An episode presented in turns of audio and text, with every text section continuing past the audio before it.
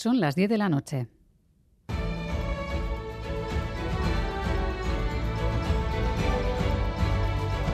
Radio Euskadi y Radio Vitoria. Servicios informativos.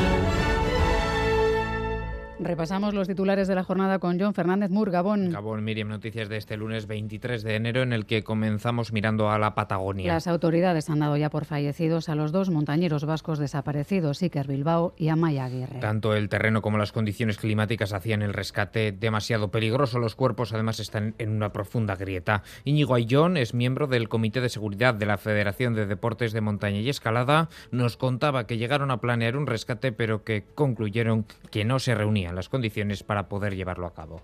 El primer momento sí que valoramos la posibilidad de que fuera de montar ¿no? un grupo de alpinistas con, con Miquel Zabalza, con el director del equipo español de alpinismo a la cabeza, de que fueran para allí, pero bueno, cuando se vieron las condiciones de meteo y, y, sobre todo el, timing ¿no? de, de, llegar allí, de ponerte, de, se vio que no, que no tenía, no tenía mucha razón de ser el tercer montañero, Josu Linaza, que fue el que salió con vida y dio el aviso de lo ocurrido, está en un hospital de Argentina, físicamente bien, pero muy afectado todavía. Y un día más tenemos que hablar de violencia machista. En Pamplona, un joven de 20 años ha sido detenido por presuntamente agredir sexualmente a una menor de 12 años de edad. El juez ha ordenado su ingreso en prisión. Y en Valladolid, un hombre con antecedentes por violencia machista, aunque con otra pareja, ha asesinado a su pareja actual y a la hija de ella de 8 años. El Ministerio del Interior espera poder tener listo en pocas semanas el aval legal para poder avisar a las mujeres que conviven con maltratadores reincidentes. Persiste el enfrentamiento entre el PNV y el PSE en torno al centro de refugiados que el Gobierno central quiere abrir en Vitoria-Gasteiz. El Endacari se ha pronunciado hoy sobre esta cuestión. Ha dicho sentirse dolido por las acusaciones de xenofobia por parte del líder del PSN, Cuandueza,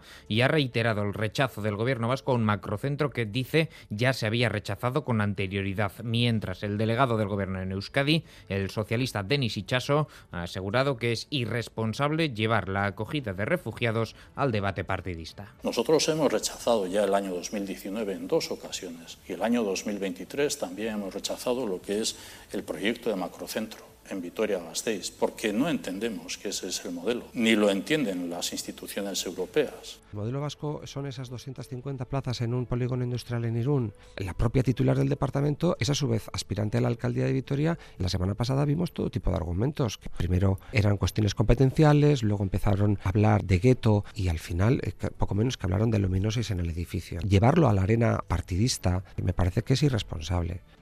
Los jefes de servicio de la OSI Donostialdea reconocen avances en las negociaciones, pero han decidido mantener las protestas hasta haber hechos concretos por parte de la dirección. Por lo tanto, seguirán concentrándose cada lunes. Adolfo López de Munain, jefe de neurología del Hospital Donostia, ha explicado que en la asamblea de, este, de esta mañana han preparado un acta con los principios de acuerdo alcanzados en la reunión del lunes. Quieren que Osakidetza los firme mantenerlas hasta ver cuál era el feedback con respecto a las actas que hemos enviado hoy de la reunión a la Dirección General de Osakidecha, donde se pone por escrito aquellos principios de acuerdo que se establecieron en la reunión del miércoles Principios de acuerdo que, entre otras cuestiones, se referían a la vinculación del oncológico en la OSI de Donostialdea y a cuestiones relacionadas con futuras OPEs. Y en Cádiz, el líder del Partido Popular, Alberto Núñez Feijóo, ha presentado este lunes 60 medidas que pretende llevar a cabo si llega a Moncloa. Entre ellas, una propuesta para que gobierne la lista más votada en los ayuntamientos.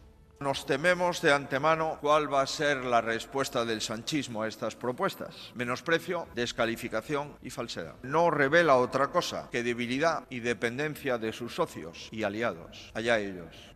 El gobierno efectivamente rechaza la propuesta. Yolanda Díaz, vicepresidenta. El señor Feijóo le presenta a los españoles esta propuesta porque sabe que no puede gobernar sin Vox y, por tanto, como hemos visto, la agenda pública, como vemos en Castilla y León y en otros lugares, se la está marcando Vox. El PP gobierna en ayuntamientos como Madrid o Zaragoza sin haber sido la lista más votada.